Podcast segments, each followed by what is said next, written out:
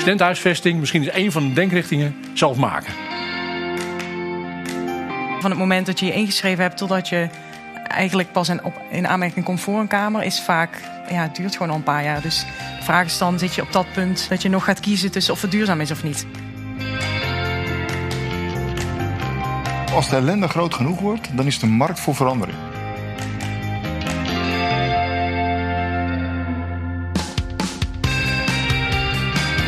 Kennis is er om gedeeld te worden. In Utrecht maakt kennis, een programma van Podium, ontdek je de tofste onderzoeken van de Hogeschool Utrecht van dit moment.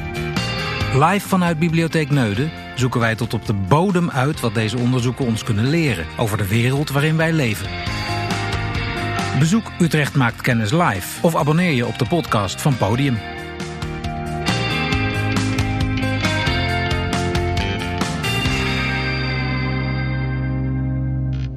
Leuk dat je luistert naar de podcastserie Utrecht maakt kennis. Dit keer over het studentenhuis van de toekomst. Tijdens de derde editie van Utrecht maakt kennis zijn te gast Ruben Vrijehoef van het HU-lectoraat Building Future Cities, Eugène Zaaier, architect en kartrekker van het transitielab Celsiushuis en Lilian Luiten, vastgoedstrateeg bij SSH. De presentatie is in handen van Patrick Nederkoorn en Paul Haak. Yes, dank jullie wel. Welkom allemaal bij een nieuwe editie van Utrecht maakt kennis. En we beginnen de podcast gelijk met een vraag uit de zaal aan lector Ruben van het lectoraat Building Future Cities. Wat is eigenlijk de definitie van een studentenhuis? Vroeger was studentenhuis wel duidelijk. Het was gewoon een morsige woning, zoals Paul ook had en ik ook had vroeger. En dan ben ik nog van, uh, ben ik van oude stempel en jij misschien van jonger. Maar dat was gewoon een verkamerde kamerde woning ergens in de binnenstad. In mijn geval in Delft en jou in Utrecht. En dat was gewoon een vieze smerig met een GR en een, uh, en een plakkerige keuken. En dat, dat is dan een studentenhuis. Maar dat is een soort van uh, ja, concept, idee. Wat er allemaal eens bij komt kijken. Hè? En, maar als je het echt gewoon fysiek kijkt, dan was dat in mijn geval een oude binnenstedelijke woning die dan ja, opgedeeld was in kamers. Op een soort quasi-officiële manier. Wat nu niet meer mag. En bij jou ook. En nu zijn dat veel officiëlere appartementencomplexen aan het worden. Dat is helder. Tijd voor een kijkje in de toekomst van studentenhuisvesting. Aan de hand van lector Ruben. Uh, ja, waar gaat het over Building Future Cities? Uh, normaal gesproken doen wij uh, niet veel aan studentenhuisvesting. Want ja, je hebt studentenhuisvesting, maar je hebt ook huisvesting. En ja, wat is zo speciaal aan studenten? Behoudens andere bewoners? Nou, is even de vraag. Um, je zit in dezelfde knel als andere bewoners, denk ik. Die op zoek zijn naar betaalbare huisvesting, denk ik. Ook duurzame huisvesting. Ik vroeger toen ik studeerde was dat helemaal geen issue. We hebben ook wel de verkamering die aan banden wordt gelegd. Dus uh, net eventjes uh, het huisje van Paul. Nou, ja, dat is gewoon een kamer zoals dat vroeger. Hè. Verkamering wordt wel aan banden gelegd. Ik weet niet hoe het bij jullie gaat, maar dan moeten allemaal appartementsrechtjes worden. Dus er gaat het een en ander op de schop. Dus zo makkelijk als het vroeger ging, niet meer zo erg. We hebben de beschikbaarheid, de betaalbaarheid en de duurzaamheid. Dan, nou, dus je hebt een aantal van die, van die knelpunten die bij elkaar komen. Uitdagingen genoeg dus. Ruben heeft vier denkrichtingen voor toekomstige studentenhuisvesting. De eerste, zelf maken.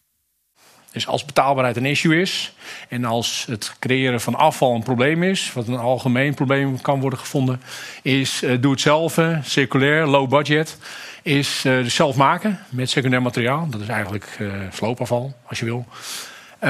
met beschikbare grond is al wel een probleem vaak, maar dan kun je met support van investeerders en gemeenten kun je een komen. Nou, we hebben, een, we hebben een voorbeeldje, Hof van Cartesius, werkspoorkwartier. Dat kennen jullie wellicht, dit. Dit is uh, sinds vijf jaar realiteit. Dit hebben we wel uh, helpen vormgeven vanuit de hogeschool. Samen met de uh, zelfstandige ondernemers, de creatieve, kleine creatieve ondernemers... die daar studio's hebben gebouwd. nou, door je ooghaar heen zou je er ook een woning of een studentenkamer van kunnen, kunnen voorstellen. Het is niet voor bewoning bedoeld. Een bestemmingsplan is daar niet voor geënt. Maar dit, uh, dit waren kleine zelfstandigen die vanuit uh, de Merwede Kanaalzone, die jullie ook wel kennen, die opgerold wordt en, uh, en schoongeveegd voor een nieuwe woningbouw. En alles wat daar zit en zat, dat moet dan ergens anders. En Werkspoorkwartier is de enige zone waar nog, wat nog een bestemmingsplan voor, voor klein creatieve bedrijvigheid heeft. Dus wat je hier ziet is zelfbouw. Dus dat is met secundair materiaal. Je ziet hier CLT, dat is cross-laminated timber. Voor de architect onder ons en technici, dat zijn uh, houten elementen waarmee die panden daar zijn gemaakt. Er is ook tweedehands spoorstaaf ingegaan van ProRail als, uh, als uh, kolommen. Er zijn perrondelen ingegaan als, als begaande grondvloeren. Dus daar is met gevonden materiaal, geoogst materiaal heet het dan, is daar low budget, zijn daar tijdelijke, in basis tijdelijke huisvestingen zijn gerealiseerd voor die, voor die kleine zelfstandigen. Dus nou, even moraal van het verhaal. Wat kun je doen als het, als het uit, de, uit de klauwen loopt met, met beschikbaarheid van ruimte en je kunt niks vinden? Uh, en je moet low budget, dan kun je met secundair materiaal iets voor elkaar boksen binnen vijf jaar tijd. Nou, binnen vijf jaar tijd zijn deze partijen. Partijen zijn dus de kleine creatievelingen hier. Met wat stedenbouwers, eerlijk is eerlijk, en een paar architecten. En Bob Schermberg als suikeroom die grond heeft opgekocht van de gemeente. Zijn ze zover gekomen als dit. Maar voor de rest is dit gewoon zelf maken. Dus studentenhuisvesting, misschien is één van de denkrichtingen zelf maken. wat de andere kant is van zelf maken, is gewoon zelf kopen. Uh, dat is ja, woningen die van het product uh, van, de, van de lopende band afrollen. Dat is tegenwoordig ook uh, te koop. Eigenlijk units. Een beetje tiny house-achtig, maar dat heeft dit niet helemaal. En dan kun je kopen, huren of leasen. Nou, nogmaals even die betaalbaarheid. En je weet wat je kwijt bent aan huur, maal studieduur. Totaal aan kosten. Dan zou je kunnen ook kunnen zeggen van... we gaan voor studenten gaan we een leaseproduct aanbieden... wat ze mee kunnen nemen na afloop. Bij wijze van spreken dat je eigenlijk ook meteen je starterswoning hebt. Ruben noemt nog een derde voorbeeld. Off-grid, self-supporting tiny houses. Al dan niet zelf gebouwd en op te pakken zodra je ergens anders wil gaan wonen. En je bent off-grid ergens in het veld, hè, dus het is totaal niet urbaan. En uh, je zet hem op je op, op trailer en dan ga je. Uh, dit als laatste voorbeeld is WikiHouse, wat we hebben helpen ontwikkelen. Nou, hier zitten een paar van, uh, van de mensen. Die zijn hier bezig in Almere met, uh, met, ook met cross-laminated timber. Dus dat zijn houtpanelen met een, met een bouwpakket wat je zelf in elkaar kunt schroeven. En dan zie je dat je er ook een paar naast elkaar kunt zetten. En ook zo tot je in basis duurzame huisvesting, want het is behoorlijk geïsoleerd. En volgens mij is het ook off-grid, want je hoeft het dus ook niet te verwarmen, omdat het zo geïsoleerd is dat je zelf je eigen verwarming bent. Nou, hoe duurzaam wil je het hebben? Um, dus er zijn er oplossingen voor um, die in basis voor niet per se voor studentenhuisvesting zijn bedoeld.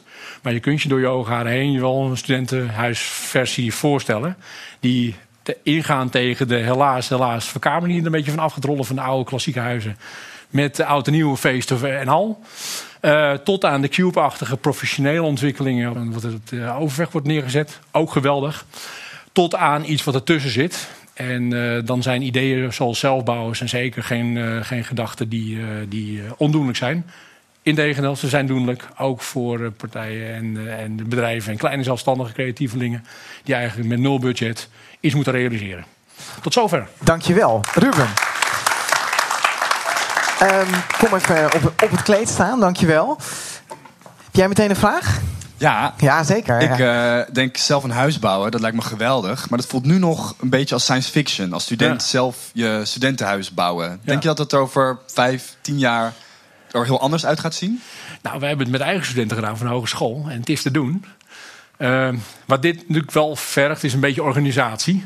Uh, die, die tweede categorie is gewoon kopen, of de shelf. Je koopt zo'n huisje, je bestelt een kraan. Nou, die kun je gewoon opgoogelen en je kunt ze bestellen. En over x week heb je dus een container die een huis is. En je ergens kunt laten ploffen in de achtertuin van een hospitaal bijvoorbeeld. Nou, hè, dan zou er kunnen zijn. Uh, maar de eerste categorie en de laatste categorie vergen wel wat, wat, wat voorwerk natuurlijk. Want je hebt een stukje grond nodig. Uh, je hebt wellicht die suikeroom zoals Bob Schermberg nodig. Dat zou kunnen. Uh, je hebt, uh, ja, in het eerste geval heb je dus ja, toegang nodig tot ja, secundair materiaal. Van waar haal je dat dan vandaan? Hè? Dus dat is bouw- en sloopafval. Je moet twee rechterhanden hebben. Of iemand, of iemand kennen die, het, die dat kan. dus dat, dat, is dan, dat vergt wat meer. En dat wikihouse, dat is een soort van bouwpakket. Dus dat is dan ook wel iets voor voorstellen. Dus als je handig kan puzzelen en ook weer twee rechterhanden hebt, dan kun je dat je voorstellen dat je dat met studenten kunt maken. En dat hebben we ook gedaan in dat geval. Dat waren wel uh, bouwkundestudenten.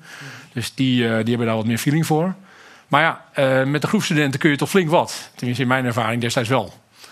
En dan, ja, zat ik in Delft, nou ja, dat is een soort afwijking is dat. Hè? Dan, uh, dus, uh, dan ga je met bouwkunde en de civiele studenten toch iets maken. Ja. En dan is het, de drempel misschien iets lager. Maar dan komt het toch aan op inventiviteit. En uh, ja, slim omgaan met middelen en, en, en, en kaststroom. Hè? Of, of, geld of, of, of, fondsen die je hebt. Of mensen die je kent. Dus het is wel science, maar niet zo fiction.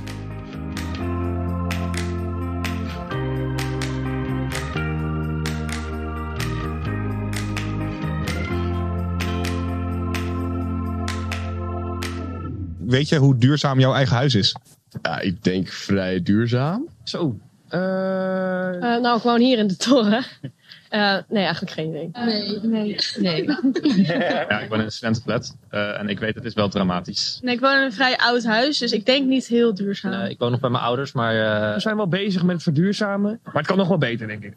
Ja, ik denk dat mijn huis heel duurzaam is. Ja? Ja. Um, nou, ik woon in een bus, dus ik denk dat mijn ecologische voetafdruk heel klein is. Je hoort een fragment uit Roadmap, de gloednieuwe videoreeks van Podium en Green Office.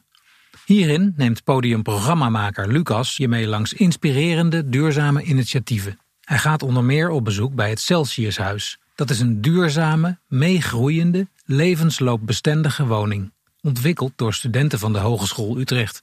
En daar heeft de volgende gast alles mee te maken. Eugène Zaaier is architect en kartrekker van het Celsiushuis. Hij bouwde het met studenten van allerlei opleidingen. En hij vertelt hier over zijn ervaringen. Ik denk dat je heel veel dingen uh, duurzamer kan maken door het niet alleen maar uh, uh, in het vakgebied te bekijken waar de problemen in zitten. He, dus als we het over woningbouw hebben, he, dan kan bijvoorbeeld student, duurzame studentenhuisvesting best wel eens worden opgelost door een ander financieringssysteem. He, als je die 19.000 euro van tevoren zou kunnen krijgen, omdat je geen hypotheek op een tiny house kan krijgen omdat die niet aan de grond verbonden is. Um, uh, dan los je een probleem op. En dan zou je kunnen zeggen van joh, je krijgt bij de start van je studie kan je dat doen. Je krijgt dus je, het beginunit van je starterswoning mee. Dat maak je modulair.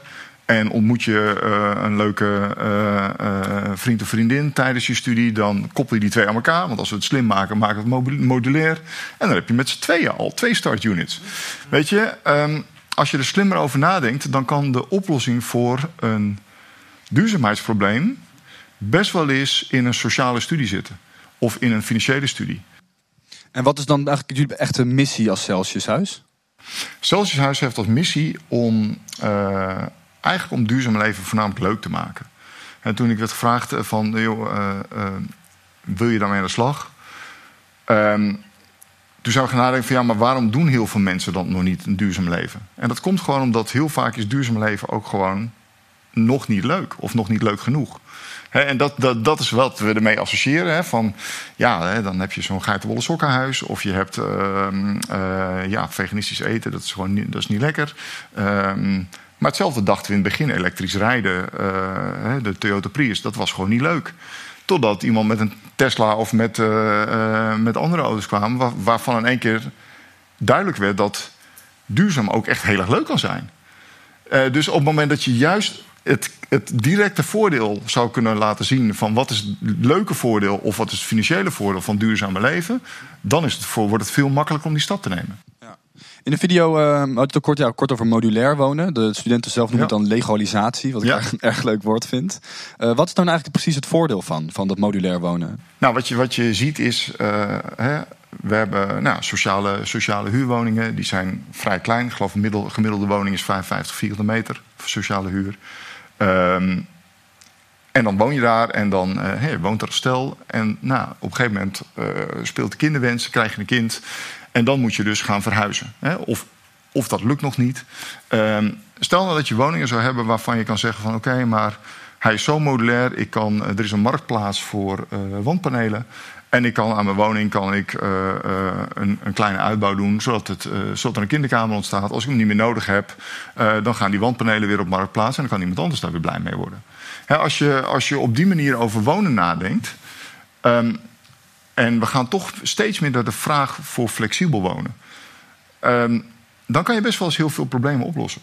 En ik snap dat het kan niet overal. Uh, in, een, in een galerijflat wordt het heel lastig om een, uh, om een kinderkamer uit te bouwen.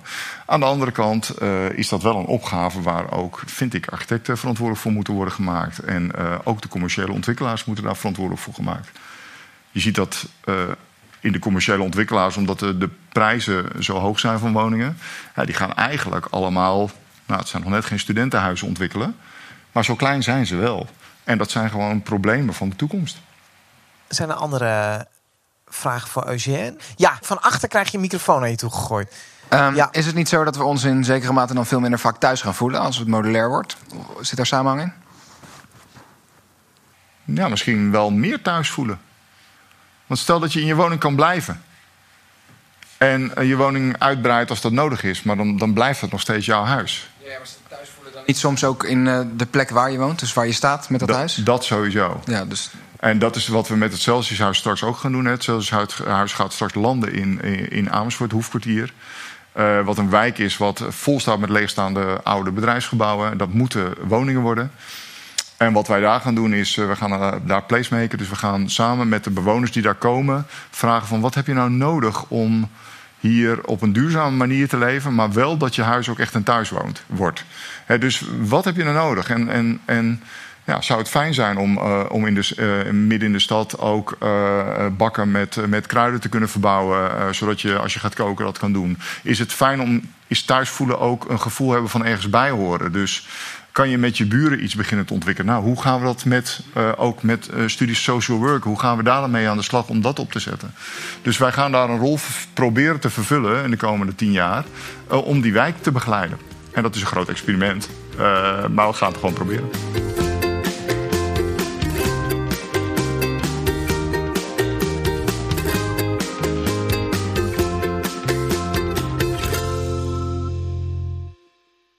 Derde en laatste gast is Lilian Luiten, vastgoedstratege bij de Stichting Studentenhuisvesting, oftewel SSH. Als je een huis wil bij SSH, kan je dan uh, zelf kiezen? Kun je dan zeggen: Ik wil in een duurzaam gebouw wonen van jullie? Kan ik, kan ik met mijn duurzame wens als student bij jullie een keuze krijgen? Dat is een hele goede opmerking. Ik denk dat dat ook iets heel leuks zou zijn om toe te voegen. Dat kan nu niet. Je kunt wel aan ons vragen wat zijn duurzame huizen. Maar ja, de realiteit is natuurlijk dat het een enorm schaars goed is. En dat het minstens uh, twee jaar, drie jaar in ondertussen duurt voordat je bij ons aan een kamer kan komen. Ja, precies. Dus de inschrijfduur van het moment dat je je ingeschreven hebt totdat je eigenlijk pas in, op, in aanmerking komt voor een kamer, is vaak, ja, het duurt gewoon al een paar jaar. Dus de vraag is dan, zit je op dat punt dat je nog gaat kiezen tussen of het duurzaam is of niet. Precies. Paul. Ja, ik denk ook dat tussendoor na tien keer hospiteren, dan uh, boeit het je ook niet meer zoveel, denk ik, waar je woont. Als je maar ergens woont. Goed, in, de film, in het filmpje zagen we heel kort even het nieuwe gebouw dat eraan komt. High Five, dat dan een bang is. Uh, bijna energie-neutraal gebouw. Dat is natuurlijk een hele mooie manier om te verduurzamen als voor, voor de SSH. Zijn er nog andere manieren waarop de SSH ook bezig is met het uh, verduurzamen? Ja, High Five wordt zelfs, uh, dat is weer een nieuwe me methodiek, dat is BREEAM. En daarin kun je weer bepaalde sterren krijgen. Dus dat is een soort opvolger van uh, Bang. Ik ben daar zelf ook niet helemaal in thuis hoor. Maar wij, uh, dat gebouw moet nog gebouwd worden trouwens. Dus alles is nu nog plannen en uh, ambities eigenlijk. Dus je weet dat pas als het gebouw er daadwerkelijk is. En, maar het idee is dat dat BREEAM met twee sterren wordt. Dus daar zit wel heel veel innovatie in qua duurzaamheid. Um, en jij, jouw vraag gaat over of we nog andere dingen doen buiten. Ja, voor verduurzamen. Ja, nou ja, we hebben eigenlijk, want ik vind het heel interessant dat wij hier samen zijn. Want jij bent echt voor mij een innovator op het gebied van duurzaamheid. Wij zijn echt een volger als woningcorporatie. We hebben andere doelen die we toch iets meer voorop stellen dan duurzaamheid. Het is een van onze hele belangrijke doelen. Maar beschikbaarheid en betaalbaarheid, dat vinden we eigenlijk belangrijkere doelen in dat opzicht. Um, we hebben daarom ook eigenlijk in die eerste paar jaar waar uh, waar duidelijk werd dat we dus heel veel moesten gaan verduurzamen. En in 2050 natuurlijk al ons vastgoed klimaatneutraal moet zijn. Um, zijn we eigenlijk gestart met meer een gedragscampagne. Dus we hebben een Student Energy Race uh, ontwikkeld. Dat is echt iets om het leuk te maken, moest ik net meteen aan denken. Wat, waarin, is, dat, wat is dat dan precies? Ja, het Student Energy Race is studenten die, uh, dat was voornamelijk in stadspanden. Dus echt de oudere panden die uh, nou ja, inderdaad nog helemaal niet zo duurzaam zijn.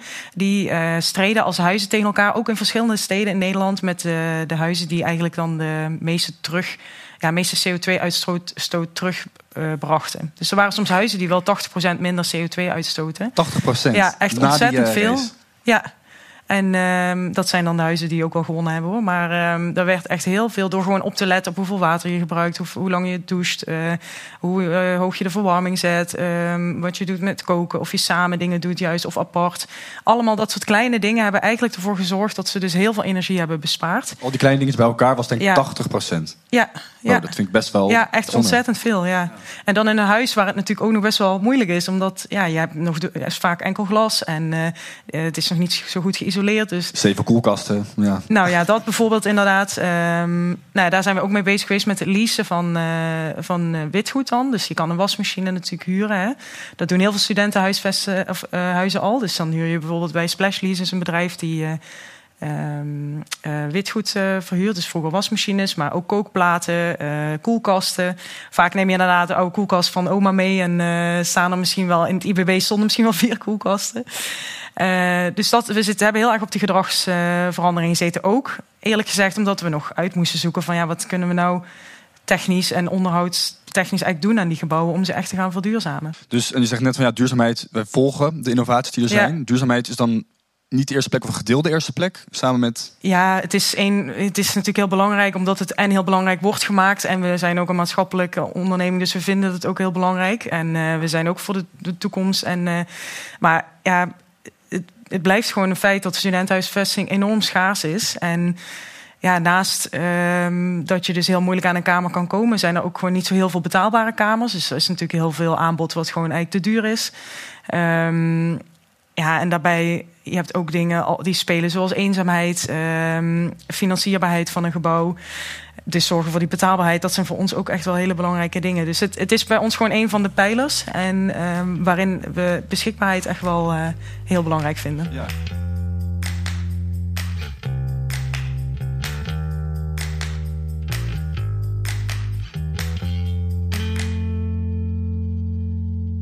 Tijd voor de round-up. Met een laatste vraag aan Eugène, Lilian en Ruben. Hoe ziet een studentenhuis eruit in 2060? Nu hebben we eigenlijk allemaal ontwikkelingen eh, besproken die best wel in de nabije toekomst, of eigenlijk nu al misschien wel aan de hand zijn.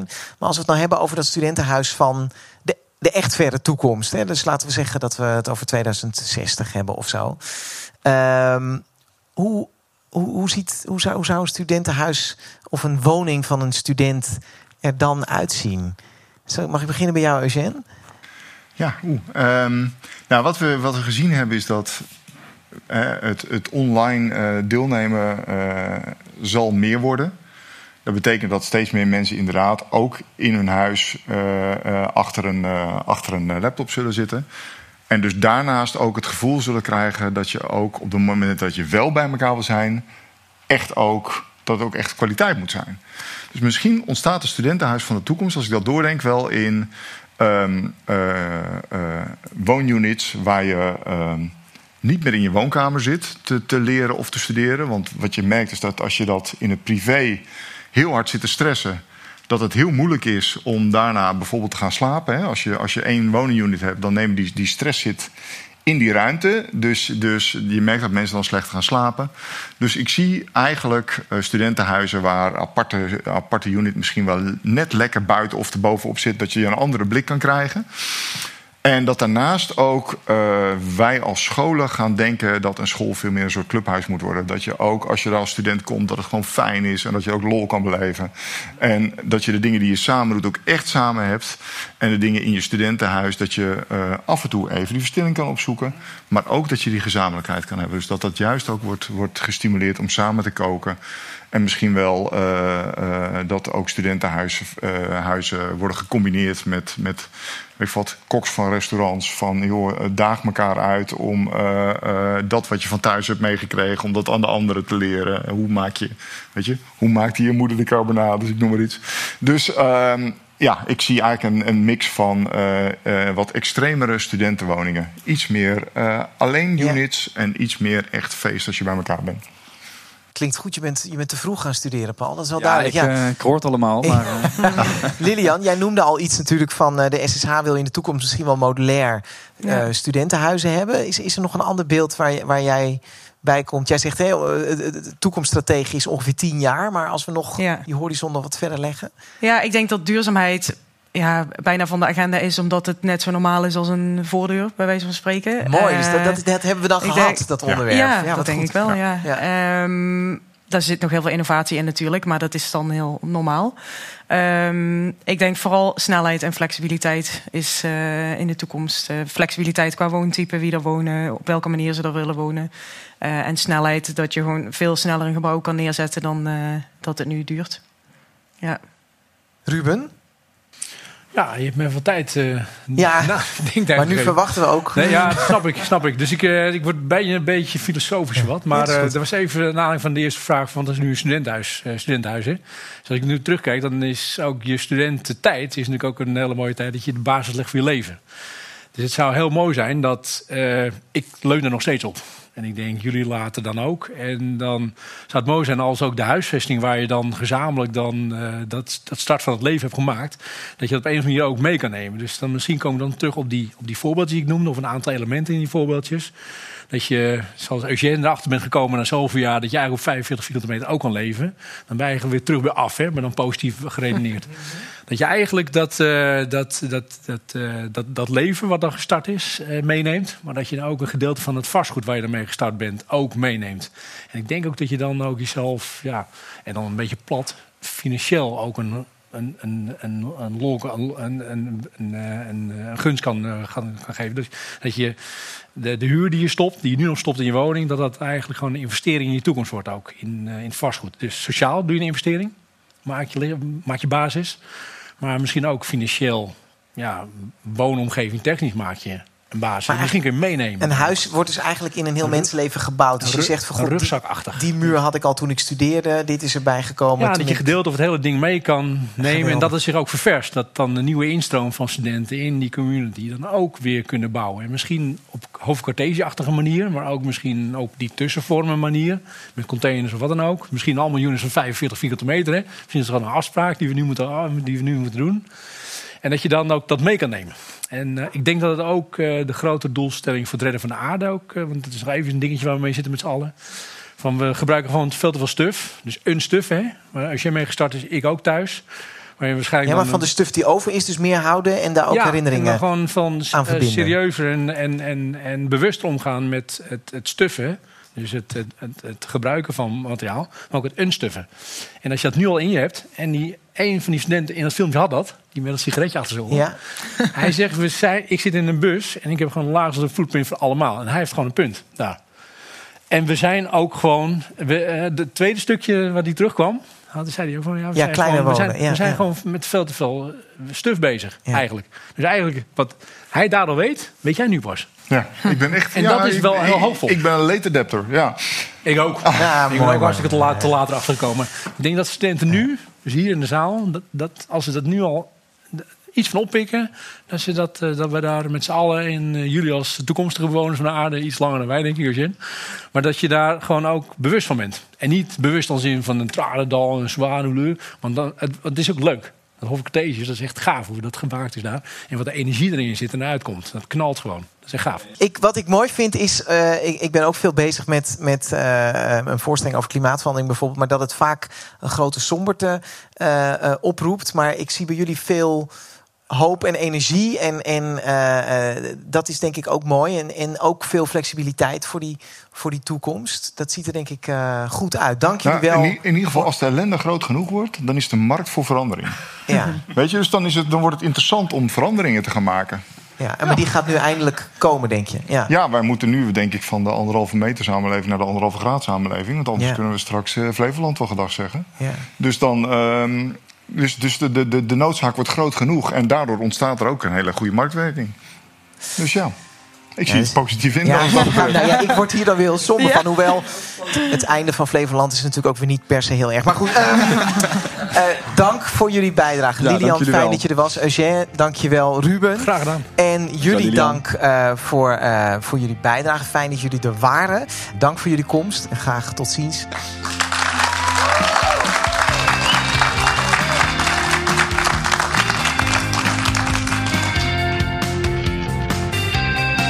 Wil jij Utrecht maakt kennis of een ander programma van Podium live meemaken? Kijk op podium.hu.nl/slash agenda voor de komende data. Of volg Podium op Insta via podium.hu. Utrecht maakt kennis is een productie van Podium, het cultureel studentenplatform van Hogeschool Utrecht. Gasten in deze aflevering waren Ruben Vrijhoef, Eugène Zaaier en Lilian Luiten. Programmaproductie Alinde Hoeksma en Sam Dumosch. Live presentatie Patrick Nederkorn en Paul Haak. Partners Bibliotheek Utrecht en Lectoraat Building Future Cities. Deze podcast werd geproduceerd door Michiel van Ruitenbeek en Matthijs Duringhof.